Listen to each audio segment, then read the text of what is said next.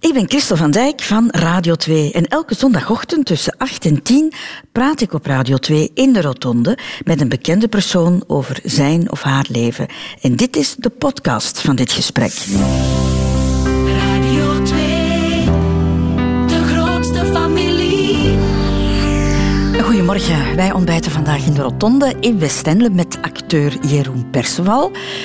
Jeroen, wij kennen jou van uh, films als Rundskop, Dardenne, maar ook van uh, televisiereeksen als Tabula Rasa, De Dag, de bende van uh, Jan de Lichte. Maar je bent ook regisseur en je bent ook rapper. Is er nog iets wat ik er kan bij vertellen om jou voor te stellen? Um, ik kan heel goed voetmassages geven. ja. En dat zeg je nu pas? Ja, ja maar uh, voilà. Het is nu vandaag mijn outing als voetmasseur. ja.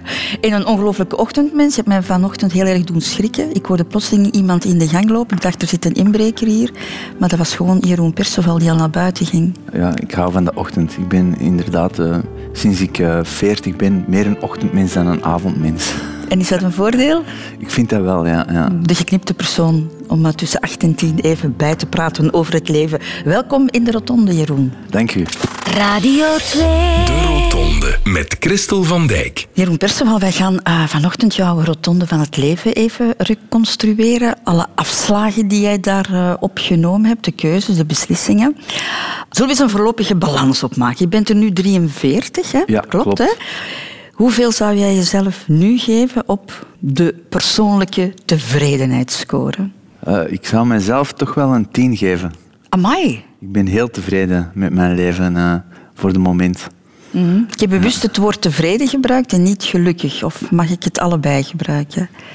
Uh, gelukkig, ja, laat ons zeggen, ik ben best gelukkig, maar binnen dat geluk bestaat er ook regelmatig een gevoel van melancholie. Of soms hoort daar ook een beetje, ja, ik weet niet. Uh, ik bedoel, wat, wat, wat, is geluk of zo? Uh, ik bedoel, echt intens gelukkig, dat zijn momenten die mij soms overvallen, meestal s morgens. yes! en ik moet ook zeggen dat ik de laatste tijd ik word altijd vroeg wakker omdat ik heel veel zin heb in het leven. Dus, uh... Maar tien op tien uh, wat tevredenheid betreft, dat, dat, ja, zullen ja, we, dat zullen we maar onthouden. Dat vind ik al heel, heel veel. Hoe maken wij keuzes in het leven volgens jou? Of hoe maak jij ze? Uh, ik, bij mij gebeurt dat eerder instinctief. Uh, ik ben iemand die niet graag lang twijfelt over iets. Ik maak de keuzes met mijn buik en met mijn hart. En, Mm. En uh, als dat dan een foute keuze blijkt te zijn, dan zal ik dat wel merken. Maar heel lang uh, over dingen, dingen overwegen in de weegschaal leggen. Dat is, het moet vooruit gaan. Ja. Beslissen uh, met je hart en je buik, zeg je. Maar je hebt je plusdochter een raad gegeven daarover, een tijdje geleden. Ah, ja? En daar heb je nog een element bijgevoegd. Niet alleen kiezen met je hart, je buik, maar ook met je verstand, heb je haar gezegd. Ah ja, ja, ja. ja natuurlijk, je moet uh, je verstand uh, ook leren gebruiken. En, uh, ik weet, het, het, het, leven hangt van veel factoren af. Waar je geboren wordt, in welke situatie. Er is wat geluk bij nodig. En, en dan denk ik dat je voor de rest het, het geluk een beetje wel kunt afdwingen op een bepaalde manier. Door ja, bepaalde slimme keuzes te maken. Door soms geduldig af te wachten, geduld te hebben. Door tegen, ik denk dat je in het leven heel veel moet leren nee durven zeggen. En ik denk dat ik dat mijn uh, plusdochter heb, uh, die raad heb gegeven. Van, uh, voilà, binnenkort begint iedereen in jouw klas, je wordt nu twaalf, gaan er allemaal stoere jongens en zo opstaan die van alle dingen beginnen doen om stoer te doen. En, en, en voilà, heb de moed om nee te durven zeggen en daar niet in, per se in mee te gaan.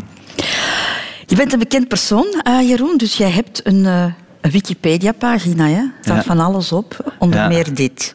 Jeroen Perceval, Antwerpen, 4 januari 1978, is een Belgisch acteur, toneel- en filmschrijver, regisseur en rapper. En voetmasseur zou er ook nog bij moeten Ja, komen, ja, eigenlijk. Maar zeker.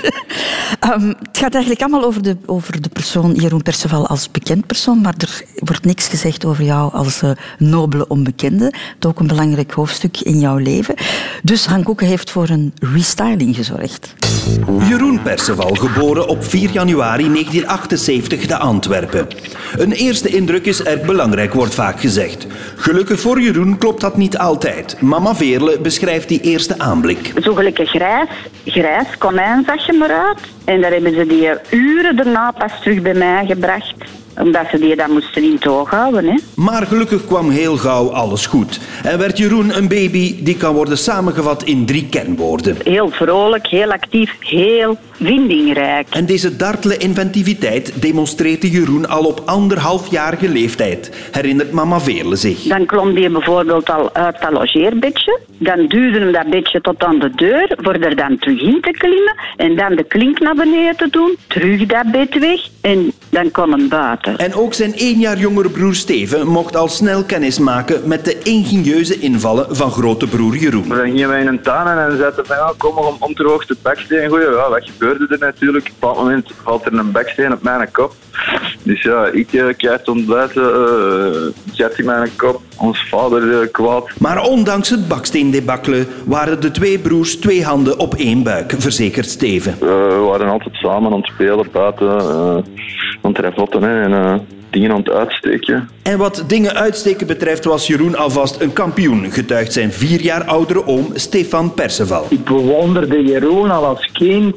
Uh, weet je, die durfde zo in bomen klimmen waar dat je zeker niet ging inklimmen, want er kwam er nooit niet uit. Het was dan ook dikwijls dat hij er niet uit geraakte natuurlijk. Maar, uh... En ook op een ander vlak scoorde Jeroen uitzonderlijk hoog, volgens oom Stefan. Iedereen was zijn vriend, weet je.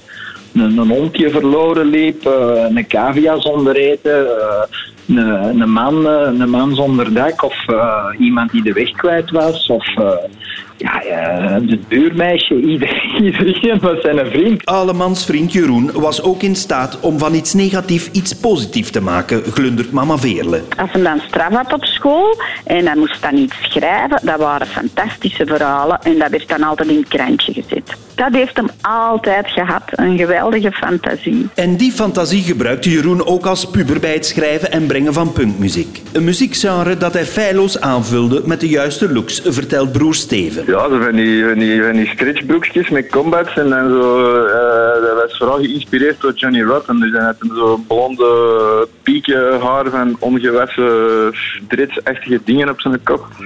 Die stak zelf... Uh, veiligheidsspelden door zijn oren en zo. Uiteindelijk belandde onze muzikale, actieve en vindingrijke punker via een hobbelig parcours op de studio Herman Terling.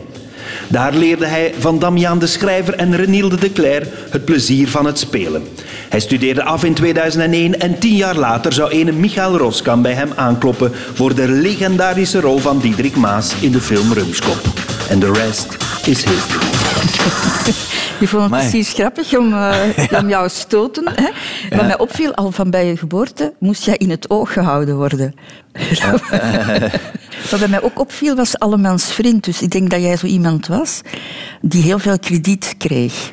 Ja, dat, dat, dat, dat kan wel. Ik, ik, weet nog dat als ik op, op scholen zat, dat ik dan wel uh, bijna elke week strafstudie had. Maar bijvoorbeeld de hoofdzuster, die had mij dan wel heel graag. Of de, ja, de nonnetjes of... Uh, de Rotonde. Radio 2. Radio 2. De eerste afslag in het leven, Jeroen Perceval, is een afslag waar we zelf niet voor gekozen hebben. En uh, dat is geboren worden. Uh, jij was de oudste, je hebt nog een, uh, nog een jongere broer. En heel jonge ouders. Jouw mama was nog geen twintig. Ja, klopt. Toen, klopt, toen, ja. toen ze zwanger was van jou. Ja, ja. Ik ga ervan uit dat jij niet echt gepland was. Nee, ik was niet echt gepland. ik was een, uh, een, een uh, passionele, impulsieve baby. Zoiets tussen de mazen van het net geglipt. Ja, ja, Zoiets eigenlijk. Ja? Ja? ja. Want ja, als kind denk je daar allicht niet over na, maar als je nu terugkijkt, waren dat van, bij wijze van spreken zelf eigenlijk ook nog kinderen, hè? Jouw ouders ja, ze waren kinderen. heel jong, ja, ja. Hoe heeft zich dat vertaald in de opvoeding die jullie gekregen hebben? Um, ja, hoe heeft zich dat vertaald? Um, ja, mijn ouders waren zelf nog heel erg zoekende in het leven. Aan mijn moeder is haar studies eh, en haar, eh, mijn moeder danste ook, is daar dan moeten stoppen. En mijn vader eh, en, zij is dan nog even gaan werken, zodat mijn vader kon studeren. Uh, zij zat op het conservatorium in Antwerpen.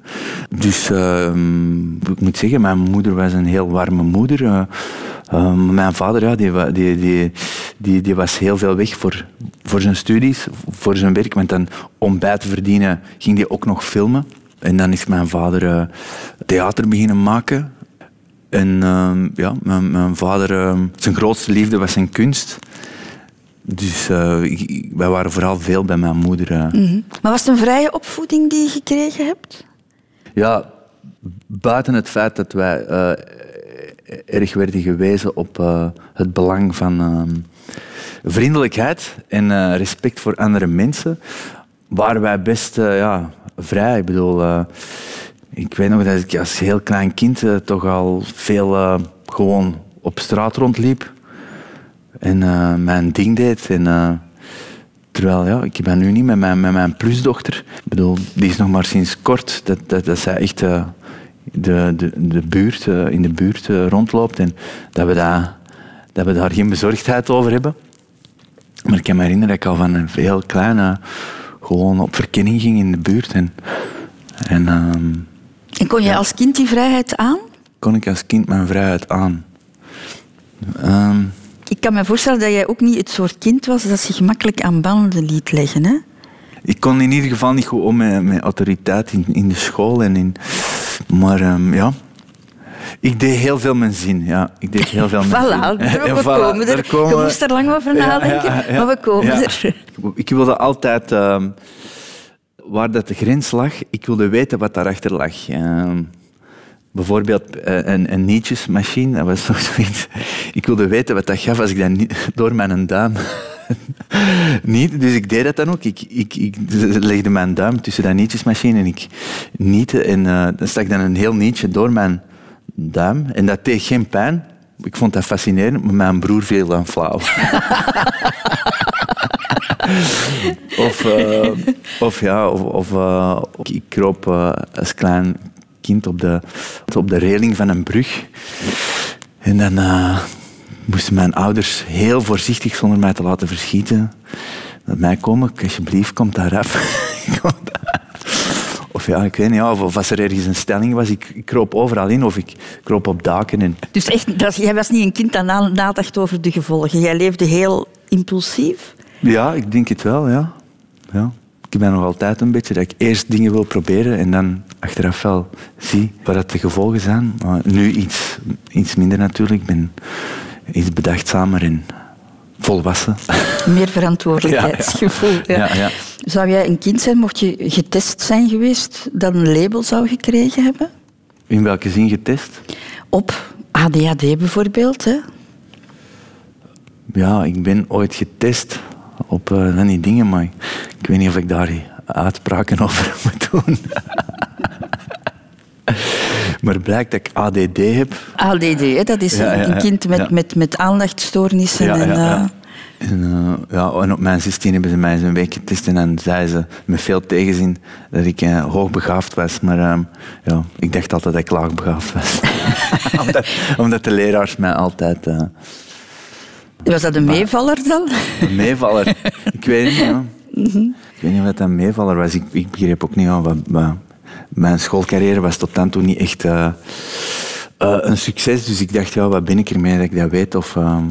Je was een aanwezig kind, Jeroen. Was je ook een, een, een leiderstype?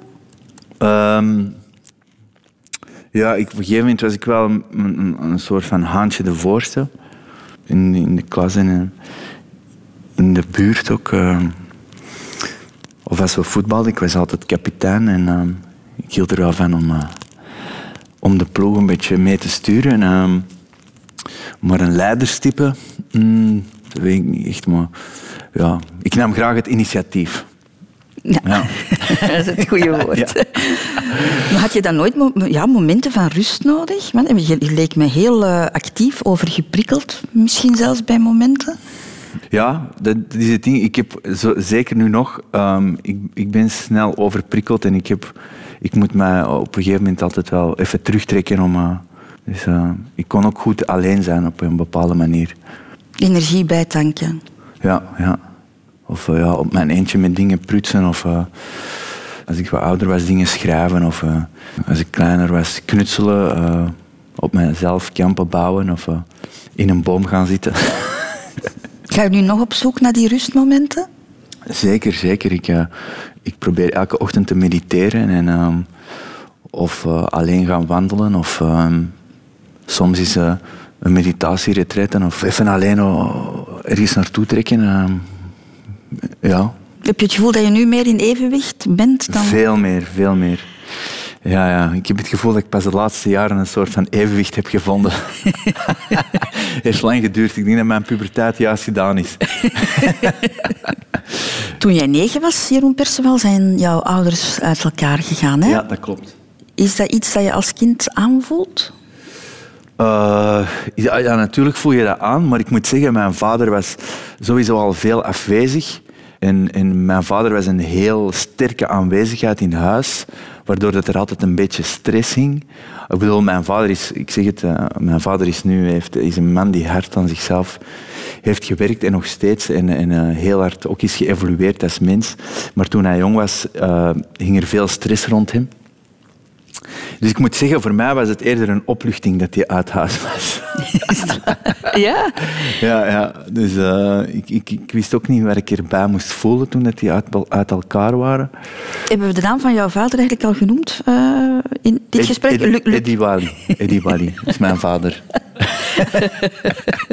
nu weet iedereen het. Eddie is mijn echte vader. Ja, Luc Perceval, dus hè, de, Ja. de, de Ja. theaterregisseur. Ehm, hoe zou je jouw relatie met jouw vader hè, beschrijven? Ehm, op deze moment of toen? Toen. Ik nog, toen? Ja, ik zeg het. ehm,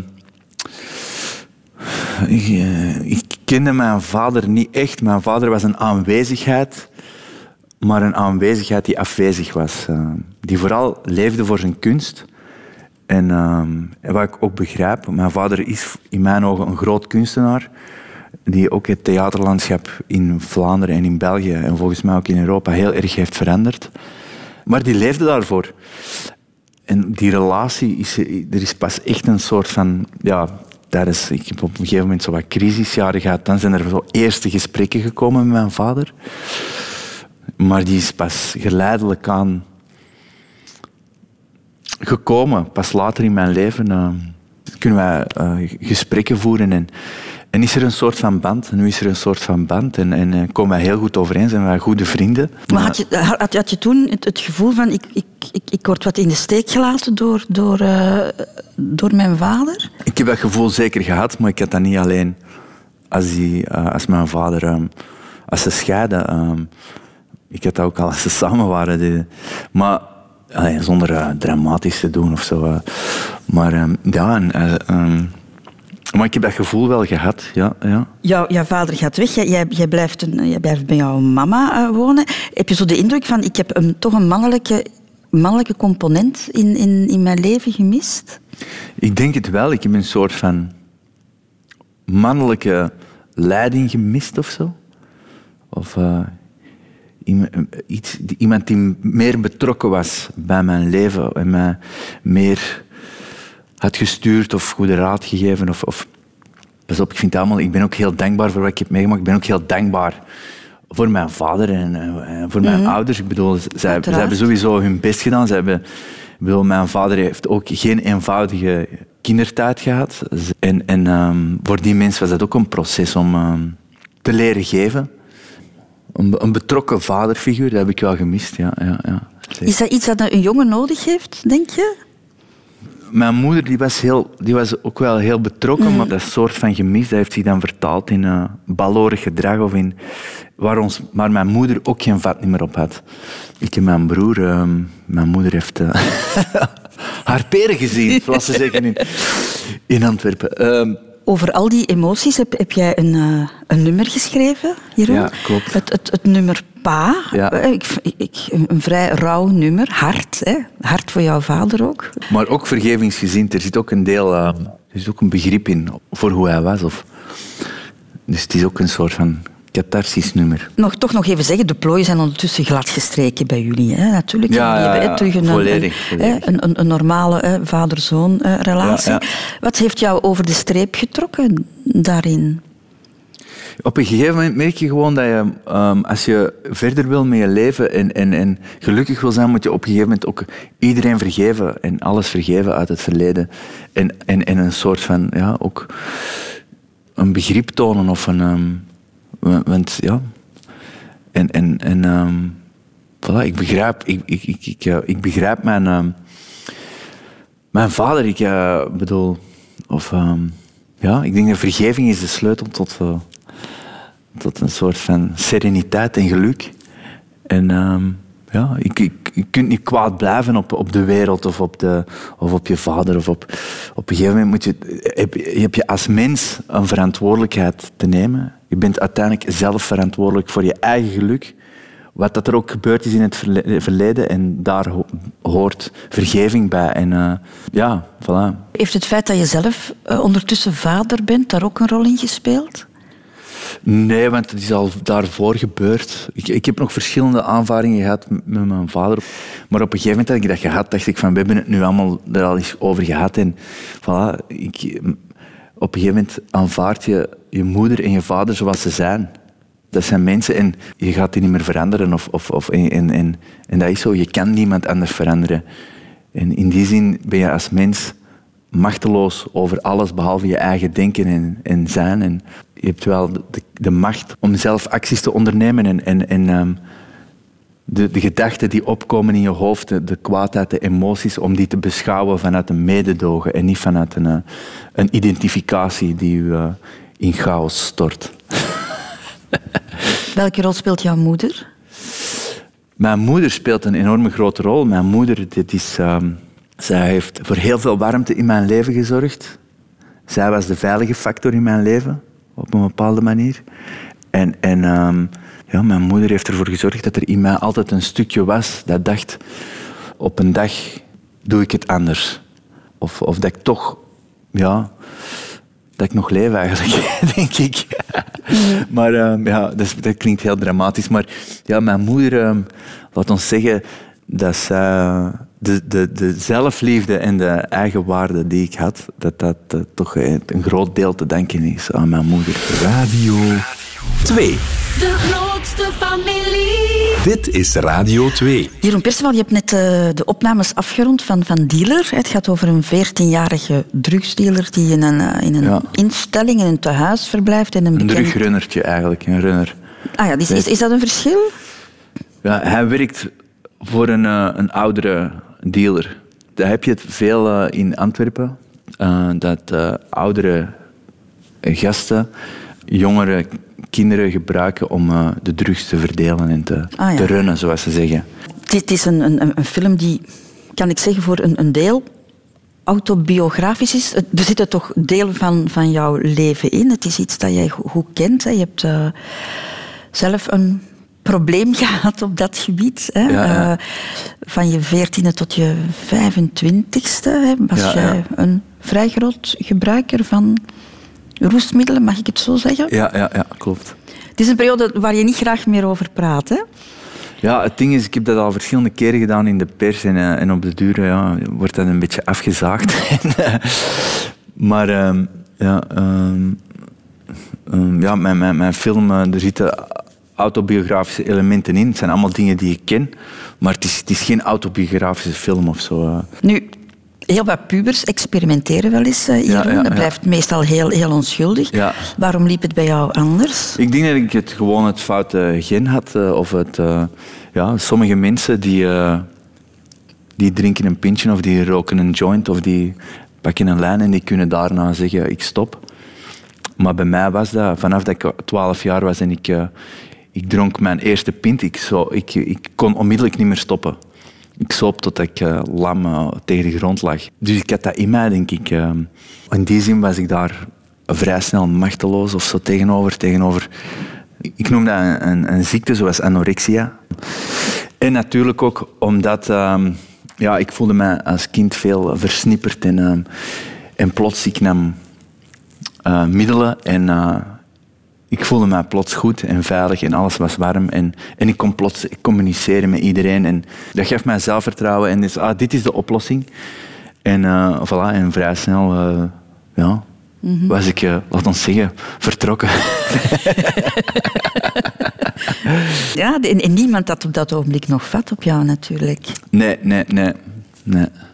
Ook jouw ouders niet. Nee. En, en dan denk ik zelfs al als moeder, ja, jij bent nu ook uh, verhalen van dat moet verschrikkelijk zijn, hè, dat je zo je kind ziet afglijden en je kan niks, ja, niks ja. doen. Ja, die hebben afgezien daarover. Ja. Die hebben zich veel zorgen gemaakt. En op een gegeven moment hebben zij dan ook gezegd, we laten hem los. Dat was het beste wat ze ooit hebben gedaan. Dat is dat ze mij niet meer hebben binnengelaten.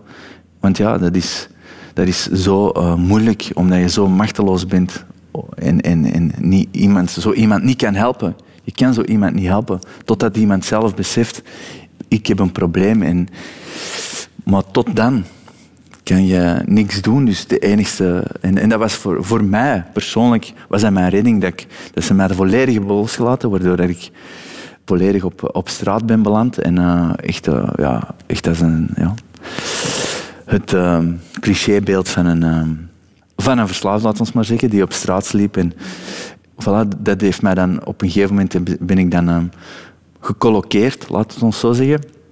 En na een paar keer uh, ook bijna dood geweest. En, maar dan, uh, ja, dat heeft mij wel wakker geschud op een gegeven moment. Doordat ik gecolloqueerd was en ergens vast zat, ben ik op een gegeven moment een beetje clean geworden en uh, heb ik beseft van fuck, dit, dit gaat echt, hier moet ik iets, ik ben machteloos. Ik vind dat wel knap, ik vind dat ook wel moedig dat je op een bepaald moment zegt van nu is het genoeg. Ja, ik dat moest kan dat, niet iedereen toch niet, Jeroen? Ja, maar ja, ik, ik geloof dat veel mensen veranderen pas als, als er als echt kritiek wordt. Als de crisis, nu ook met de klimaatopwarming. Gaan wij dit kunnen bijsturen of gaat de mensheid pas wakker geschud worden als, als er echt grote rampen gebeuren? En zo is dat ook in een menselijk, ja, menselijk leven. En bij mij was dat ook. Ik had eerst een enorme crisis nodig. Beseffen dat ik uh, eigenlijk ja, op sterven na dood was, voordat ik wakker geschud werd.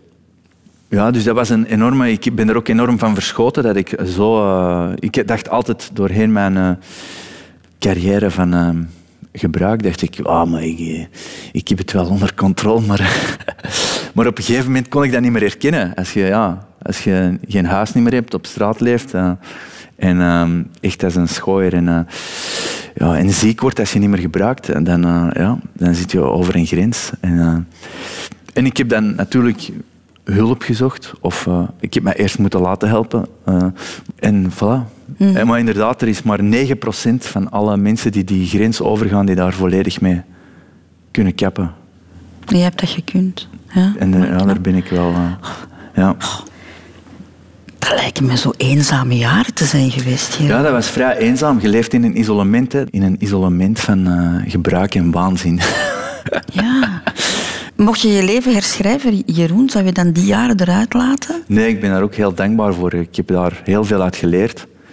Ik bedoel, ik zie ook veel mensen die zo tot, tot hun veertig zo, zo gezegd alleen maar in het weekend, maar wel van donderdagavond tot zaterdagavond van alles gebruiken of hun zich pot toedrinken. Of, en, uh, en, en, en, en dan op een gegeven moment ja, toch ook op een bepaalde manier blijven stilstaan, maar daardoor wel langer kunnen bezig blijven. En dan rond hun veertig ineens beseffen van fuck, ik, ik, ik, eigenlijk kan ik hier ook niet mee stoppen. Of... Dus ik ben blij dat het bij mij heel vroeg is gebeurd. Mm -hmm. dat, ik, uh, dat ik op mijn 25 uh, daar uh, ben mee moeten stoppen. En, en ben, ben kunnen stoppen. En dat ik daardoor ja, het leven ten volle ben kunnen aangaan. En, en, en heel enorm gegroeid. Nu ben ik verslaafd aan groei. Snap je? Figuurlijk, hè? Ja, ja niet meer aan haargroei, maar ja. Ik wil het met jou hebben over jouw keuze om acteur te worden, Jeroen Perceval. Maar ja. eerst zou ik nog eens naar die middelbare schooltijd ja. uh, van jou willen gaan. Hè? Um, niet meteen de gelukkigste periode in jouw leven, mag ik het zo zeggen? Nee, nee, nee. Het enige wat mij boeide was uh, geschiedenis en taal. Dat waren meestal ook de interessantste leraars. Maar alle andere vakken kon ik mijn aandacht echt, die boeide mij niet. En als iets mij niet boeide of boeit, ja, dan ja, kon ik mijn aandacht er totaal niet bij houden. En ehm, ja, om mijn verveling te compenseren, eh entertainde ik dan de, de klas natuurlijk. Met als gevolg dat de leraar daarop reageerde. en eh, ja, dus dat was een aaneenschakeling van eh, strafstudies, van schoolvliegen en ja. en dan natuurlijk, zoals ik eerder vermeld, mijn ehm, gebruikershabit hielp daar natuurlijk ook niet aan. ehm. Nee, als je stoned op de schoolbankje ligt, dan... eh, Nee, nee, of natuurlijk met een babbelkick. Ah, ook. Nee, dat de leraar eh, op een duur zei, oké Jeroen, je mag nu stoppen met uh, babbelen. Op, op, op hoeveel scholen heb je gezeten in totaal? Heb je dat bijgehouden? Ik denk eh, acht scholen of zo, ja. Ja, maar ja, ik, ik, ik haatte dat, eh, ja. Was het dat klassieke onderwijs? Van op de bank zitten en, en, en moeten luisteren waar, waar dat jij ja, niet in gedijt? ik denk dat ik eigenlijk niet gebaat was met een klassieke school. Ik denk dat, ze mij eerder, ik, denk dat ik eerder een Steiner eh, geval eh, ben. Geen geval, sorry, klinkt negatief. Eerder. Maar ja, ik, ik, ik, ik, ik was niet gebaat met klassiek onderwijs, maar daar zat ik wel. En ehm, ja, mijn, mijn talenten lagen ergens anders dan ehm, wat er in de klassieke scholen werd onderwezen. Of, of, of ja. Maar ik zie dat ook. Jij bent iemand die heel moeilijk kan stilzitten, hè? Ehm, ah ja. Ja, ja echt, jij beweegt heel veel met, Ja, ja. met jouw handen en, en, en zo wat. ja, hè? Dus ik kan me voorstellen dat voor jou een kwelling moet geweest zijn. Zo vier uur op, op, op, op één stoel zitten. Ja, ja. Maar ik amuseerde me ook enorm. Hè. Ik heb mij enorm... Ik bedoel, als er dan een, een, een, ehm, een stagelerares kwam lesgeven en dan moesten we allemaal naambordjes eh, zetten van onze naam en dan, en dan, had ik een, en dan heette ik Jimmy Masturbent. en dan noemde die lerares mij een hele les Jimmy. Totdat de officiële leraar binnenkwam. of, ehm, ja, dus ik amuseerde mij er ook enorm mee. Maar het, het gevolg was dat ik natuurlijk om de vijf botten strafstudie had of, eh, of uitsluiting. Of, ehm, ja, en dan, ja, vanaf mijn veertien ben ik eigenlijk niet meer zoveel naar, naar school geweest. En, en op mijn zestiende was mijn schoolcarrière eigenlijk gedaan. eh, ja. Wat doet dat met iemand als je zo constant van school vliegt? Of liet jou dat onverschillig? Ik weet nog wel één moment met ehm, mijn vader. Ik in de eerste middelbaar en ik vloog van school met kerstmis. Of, en die leraar die zei echt op een, op een nogal wrokkige manier van... Maak er maar een artiest van. En ons vader die, die werd echt kwaad. En die zei echt... Ah, wel ja, dat gaan we doen. en, en toen, dat weet ik nog eens, een moment... Dat is een van de mo- mooiste herinneringen met mijn vader. En mijn vader daarna in de auto mij begreep. Mij, en, en, en mijn, mijn kant koos. En, eh, maar ja, zoveel van school. Ja, ik boeide mij gewoon. Ik had zoiets, waarom? Ik stelde me al die vragen. Waarom moet je naar school? Wa- waarom moet je al die dingen leren? Ik, ik, ja.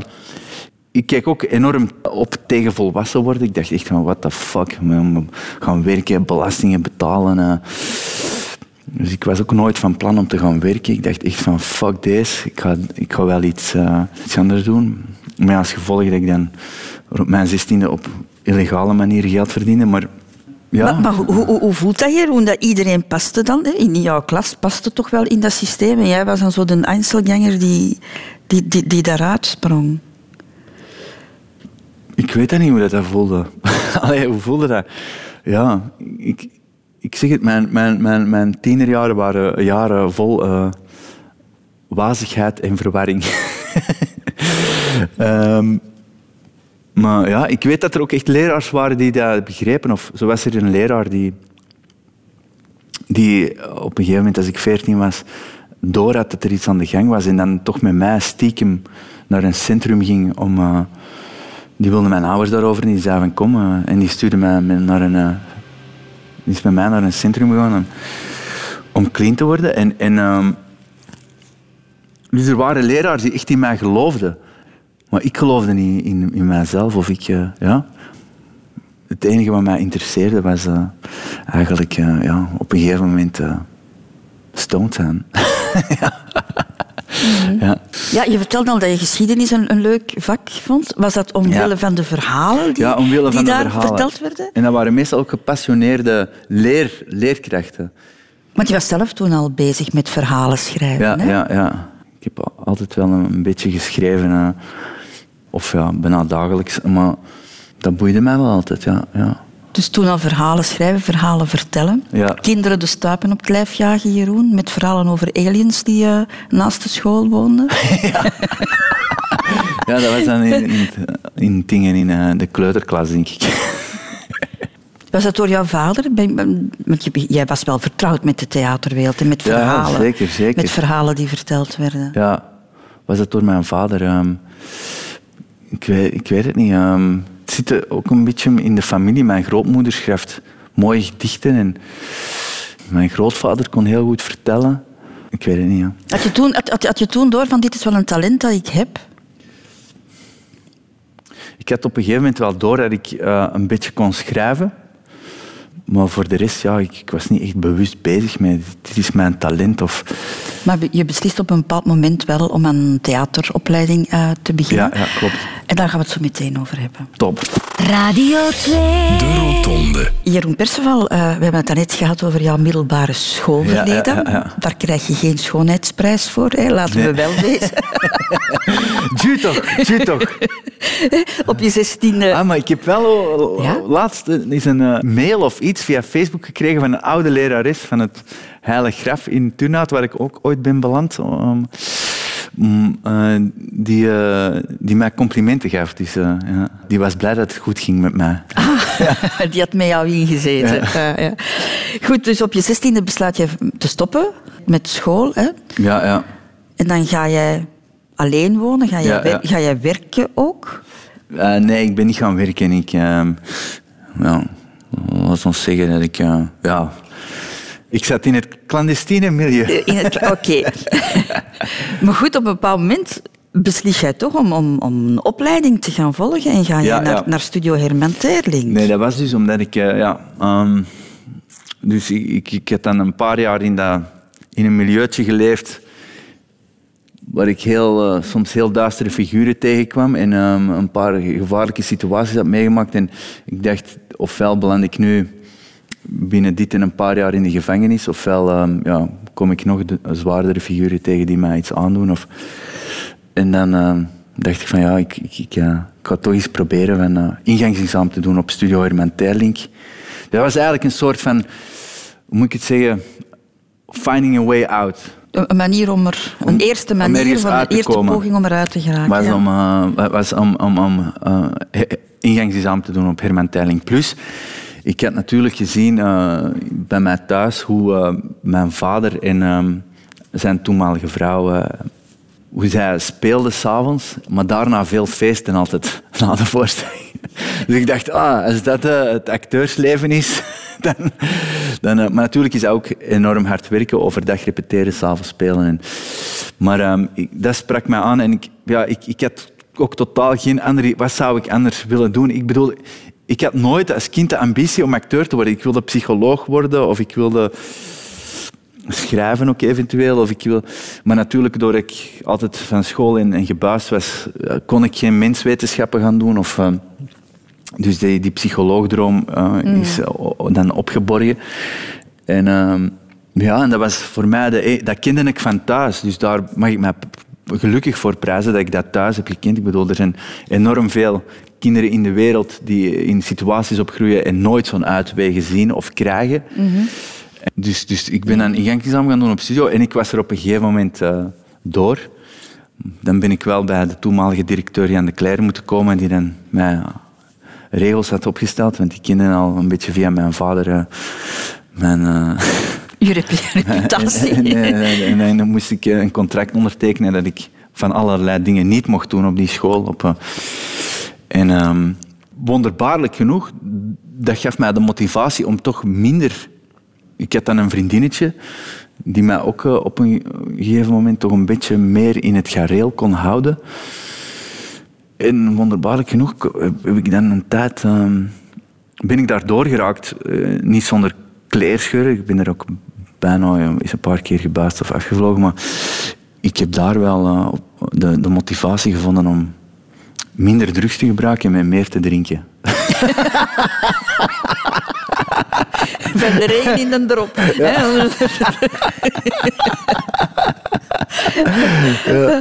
Maar ik hoor van iedereen die hier al gezeten heeft aan tafel, die die opleiding gevolgd heeft, dat dat alleen mentaal zo zwaar is. En dan denk ik van, waar haalde jij dat zelfvertrouwen dan Ik plotseling? vond dat totaal niet Van- mentaal zwaar. Ik vond de studio, eerlijk gezegd, allee, ik snap dat, ja, ik vond dat totaal niet. Ik vond dat een verademing. Ik, ik kwam daar inspirerende mensen tegen. Ehm, ik leerde daar dingen bij. Heb je daar zelfvertrouwen gekregen dan? Nee, nee, mijn zelfvertrouwen is pas echt gegroeid.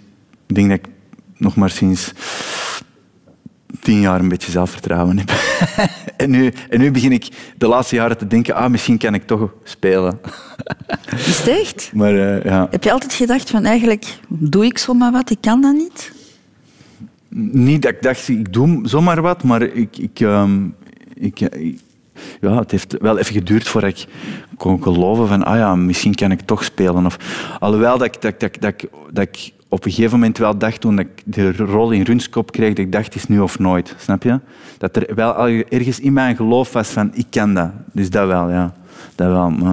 Maar ik denk dat het ook heel moeilijk moet geweest zijn, want jij kwam dan niet als een onbeschreven blad. Jij was wel de zoon van, Ja. van Luc Perceval. Dat moet toch ook een geweldige druk gegeven hebben, denk ik. Ja, in die zin was hij er wel een beetje. En af en toe was er ook eh, een soort van jaloezie hier en daar. Of, of een vooringenomenheid van ja, dat zal de zoon van zijn, die zal het gemakkelijker of die zal het.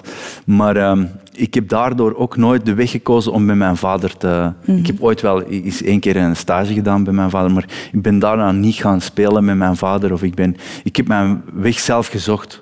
Ook om natuurlijk te bewijzen van zie, ik heb mijn vader niet nodig om, om iets te bereiken in die wereld. Dat was belangrijk. Ja, ja, ja. Maar ja, een grote druk. ehm, ik weet het niet. Ja. Voor mij was de studio was een verademing. Ik zeg het, ik kwam met een heel vrij duistere periode. En, en daar ehm, ja, ging het er voor mij gemoedelijk aan toe. Oké, die mensen, die leraars confronteerden nu met...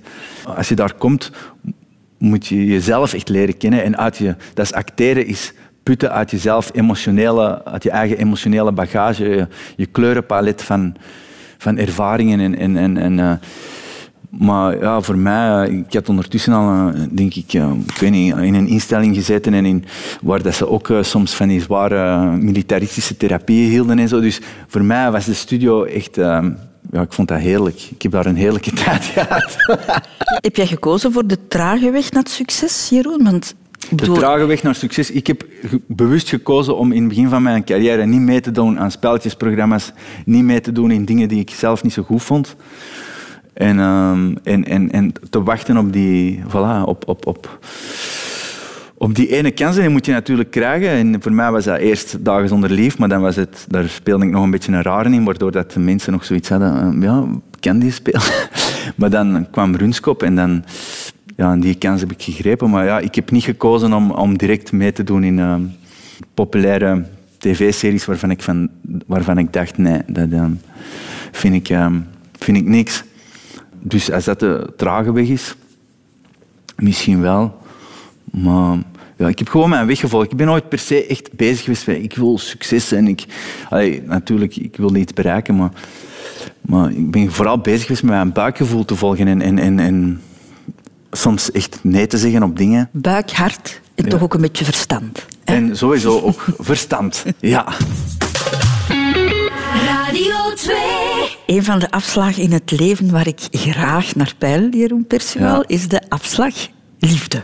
Liefde. Hè? En dan wil ik ook altijd graag weten hoe mijn gast daar naar keek als, als, als tiener. Ja, natuurlijk had ik zoals de meesten hier die opgroeien met Disney-films en, eh, en, en, en een beeld, een, een, een romantisch Disney-beeld van de liefde hebben, dat je op een dag iemand de ware tegenkomt die alles voor jou oplost, die jouw tweede helft is en eh, dat en ehm, voilà en na, na trial and error ben ik erachter gekomen dat verliefdheid niet per se de oplossing is en, en dat, dat, ook niet, dat je niet per se op de, de ware verliefd wordt. Want ik ben al, eh, bedoel, ben al verliefd geweest op madame, die, dat wij eigenlijk totaal eigenlijk niet matchten, maar dat dat puur, dat is eigenlijk verliefdheid is een soort van chemisch proces en is iets, ook iets heel fysiek. Maar eens dat eh, die, die, die, dat, die, die, chem- dat chemisch proces, de, de, de eerste grote verliefdheid weg hebt, dan pas komen die dingen naar boven die bij elkaar passen of niet. Of, eh, de, en hoe goed je je op je gemak bij iemand voelt. Of, eh, Het is een verschil tussen de roes van de verliefdheid en... ik en... geloof meer in eh, rising in love. Ik vind falling in love, oké, dat is allemaal prachtige dingen, maar ik geloof in rising in love. Iemand tegenkomen en, en, en voelen dat je er goed bij voelt, dat je goed kan lachen, dat je natuurlijk ook eh, lichamelijk heel aangetrokken bent tot iemand. Ja, rising, rising love. En ik, heb, ik heb dat nu met, met mijn, mijn vriendin nu.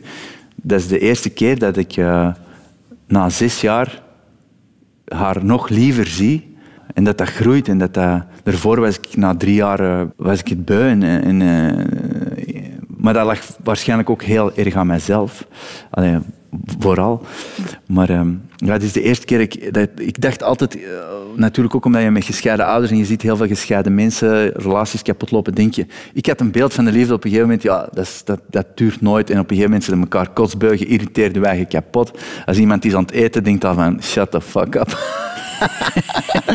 maar, ehm, maar dan, eh, ja, en, nu on- ontdek ik dat zoiets groeit. Dat echte liefde, dat zit hem niet in de obsessie of in. In de dat is natuurlijk prachtig, de, de, de, dat groot verlangen in het begin en dingen, maar de echte liefde heeft niks met bezitterigheid te maken. De echte liefde heeft met toelaten te maken, met, met eh, laten zijn en, en, en geven.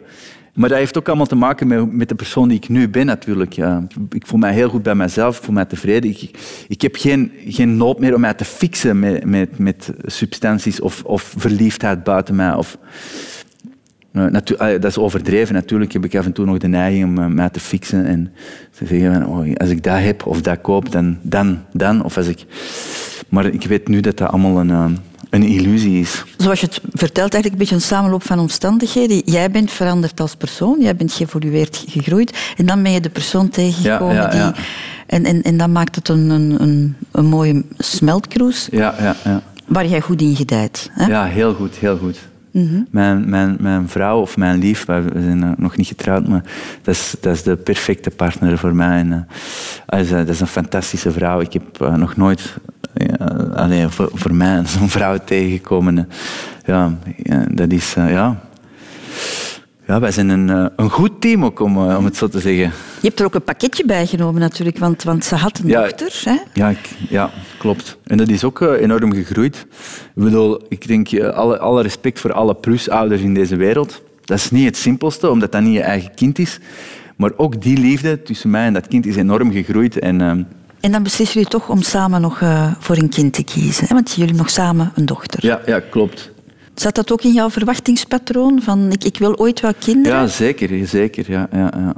ja, nu hebben wij een fantastische dochter, Cézanne. En eh, ja, dat is heerlijk. Heerlijk omdat... Die heeft nu zo'n heerlijke leeftijd, drie jaar. Dat is, dat is uberschattig. Ik knuffel haar iets te veel. ja, Je hoopt er op een dochter blijkbaar, hè? ja, ja, ja. Waarom? Ik weet het niet. Ik dacht altijd van een dochter. Dat, ik denk een zoontje, als dat zo een is als mij. Nee. Dan gaan wij stevig botsen. Ja. Ja, dacht je dat dat met een dochter misschien minder zou zijn? Ja, Dat- ja, dat is toch een andere energie. Ja, maar mijn dochter heeft wel... Mijn dochter lijkt enorm ook op, op mij. Ook, ook qua uiterlijk en ook qua karakter, dus dat belooft nog. Ja. Ja. Was het een moeilijk evenwicht vinden tussen, ja, tussen dan vier personen, jij en, en, en, en je vriendin, de Axel, jouw, jouw, plusdochter, en dan dat nieuwe kind van jullie samen? Het is allemaal heel natuurlijk gegroeid of zo. ehm.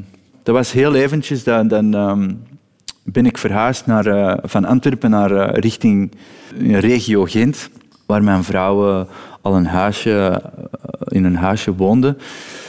En, ehm, maar dat was tijdelijk en, en ja, dat was niet mijn droomhuis of zo. Of dat was, dus daar hebben we dan even, even gewoond en, en, en, en ja, dat was even aanpassen. En, maar ondertussen zijn we verhuisd ook naar een, naar een heel mooie plek. En, Ja, ik weet niet, het is allemaal gegroeid. Alles, ja, trust the process. En jij bent wel gewoon om in het leven eh, het roer om te gooien. Hè? Ja, ik heb daar om- allemaal geen schrik van, eh, van, van dingen uitproberen en ehm, het roer omgooien. En het leven bestaat, alles is constant in verandering. Eh, als je probeert vast te houden aan, krampachtig aan, aan, aan dingen, dan creëer je ongeluk. eh. Eén constante in het leven is verandering. Dit is Radio 2. En dan zullen we nu de laatste afslag van het leven maar eens nemen, zeker Jeroen Perceval. En dat is doodgaan. Hè? Ja, 43 ben je nu. ja. Lijkt dat eindpunt nog mijlenver te staan? Ik hoop dat. Ik ben mij bewust van mijn sterfelijkheid. Maar ik hoop dat ik toch nog eh, dubbel zo lang mag leven. en, en gezond. Ik doe daar ook eh, alles voor. Om, eh, ik probeer dagelijks te sporten, te mediteren, gezond te eten. omdat ik mij dan ook gewoon goed, goed voel. En, ehm, Ja, je, je drinkt ook geen alcohol. nee, nee, nee. Ik pak ook geen drugs. en ehm, Heb je er ooit dichtbij gestaan? Bij de dood? Ja, in die moeilijke periode toen je nog... eh, Ja, ik ben twee keer in het ziekenhuis beland met een overdosis. En, eh, dus, eh, maar ja, ik kan me alleen herinneren dat het zwart was en dat ik wakker werd. Maar ehm, voor de rest, ja... mm, Maar heb je er ooit naar verlangd, bijvoorbeeld? In jouw meest donkere periode? zeker, zeker. Ah, veel. allee, ik bedoel, ja... Ik moet zeggen, ik heb veel geflirt met de gedachten bij momenten. Omdat dat de ultieme oplossing zou geweest zijn? Ja, ja, ja. Maar al goed is dat toch eh, niet eh, gebeurd. Maar ik moet, niet, ik moet zeggen, ik heb ook geen bang van de dood. Of, ik, wil, ik wil niet graag vroeg sterven. Ook liefst geen pijnlijke dood.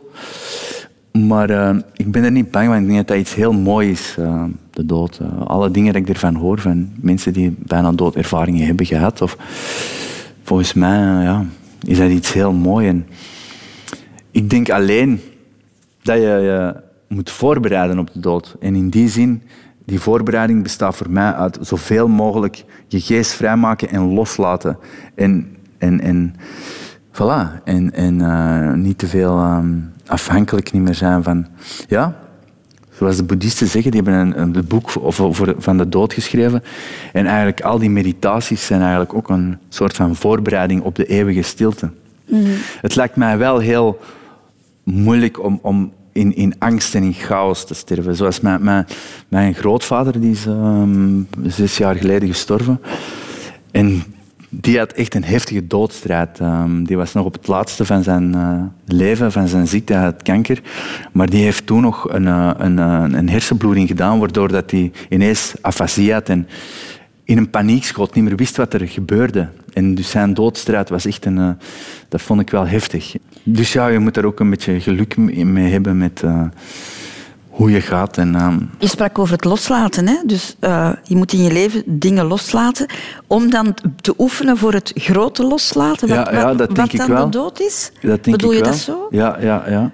Het leven is één oefening in loslaten. Ik bedoel, het loslaten van, van, je, van, je, van je ouders, het loslaten van je kindertijd, het loslaten van, van liefdes, van, van, van, van geliefden die sterven, van vriendschappen. En in dat loslaten schuilt ook heel veel geluk of bevrijding. En op een gegeven moment, het ultieme loslaten is zoals het, het verhaal van Jezus Christus. ehm, dat is eh, de dood van het ego. Eh, het ego dat, dat, dat zich identificeert met, met van alles. Dat eigenlijk maar, moet ik het zeggen, bespiegelingen zijn van de geest. Met eh, hoe ik eruit zie. Het loslaten van uw gedachten ook. Van, eh, wat zijn gedachten? Uit wat ontstaan die gedachten? Die gedachten, als je goed oplet, hangt er rond die gedachte één grote stilte. En die gedachten ontstaan allemaal uit het niets en vergaan weer in het niets. Dus wat is er dan waar? Die gedachte of dat niets? Daarom dat ik ook mediteer, eh, omdat ik, ik probeer de illusie, of ik, probeer te, ik vraag mij eigen dan af als ik zit, die 20 minuten of die 40 minuten, wat is waar? En als ik dan echt kijk, ja, er is, er is constante verandering in. Maar er is, uiteindelijk is er een ultieme stilte waaruit alles ontstaat en weer vergaat. En dat zou je God kunnen noemen. Of zoals de zen-boeddhisten het noemen, de leegte. Of, ja, of Allah. Of... Geloof je in een soort God? Ik geloof in die leegte wel, ja. Ik geloof in die energie of in die... Maar geloven, dat is voor mij echt het proef ondervindelijkheid. Ik geloof in de stelling van Boeddha die ooit zei...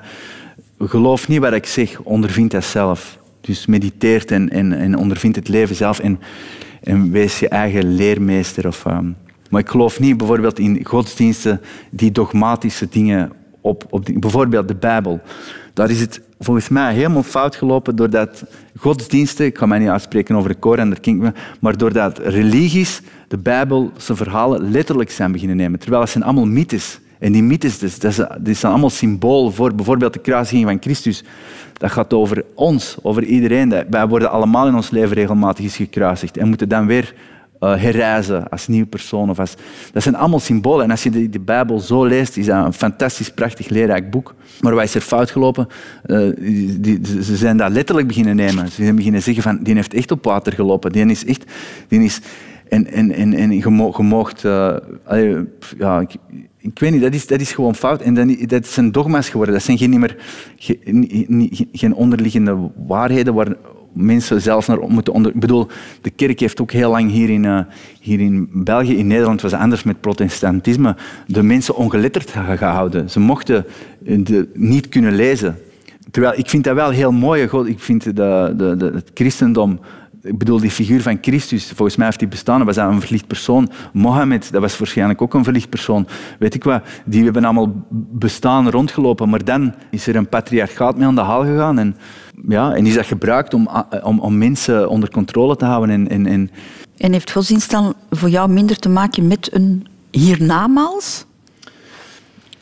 Godsdienst voor- heeft voor mij vooral te maken met het hier en nu. En dat hiernamaals, daar kan ik niks over zeggen. Dat, dat, dat weet ik niet. Maar Het hoeft niet.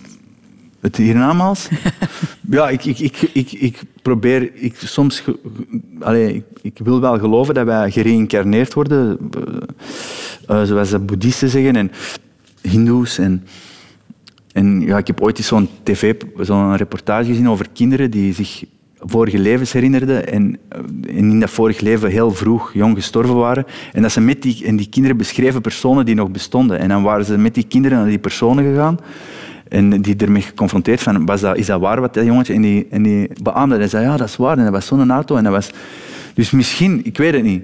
Ik, ik, misschien hebben wij wel echt een, een ziel die een, een reis aflegt en van alles moet meemaken. Maar ja, dat, dat, dat, kan ik niet... ehm. Mhm. Hoe wil je dan terugkomen, Jeroen? Ehm, als een kat in een leuk gezien. dat is onze kat. Onze twee katten die hebben het beste leven ooit.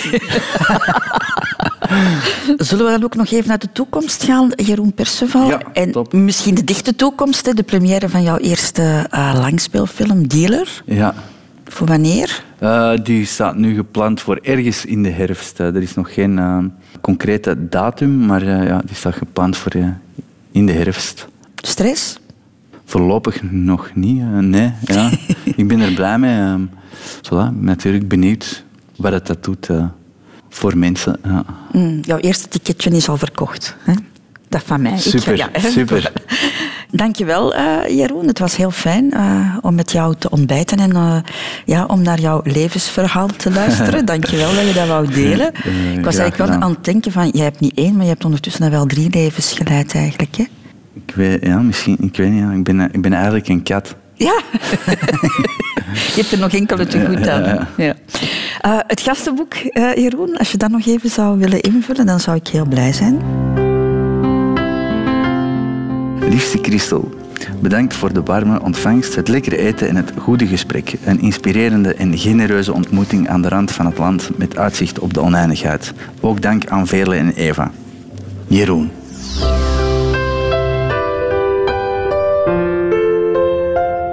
Radio 2. Heb je genoten van dit gesprek? Wel, beluister dan zeker ook de andere afleveringen van de Rotonde. En nog meer podcasts van Radio 2? Ook de rechtvaardige rechters vind je in je podcast-app.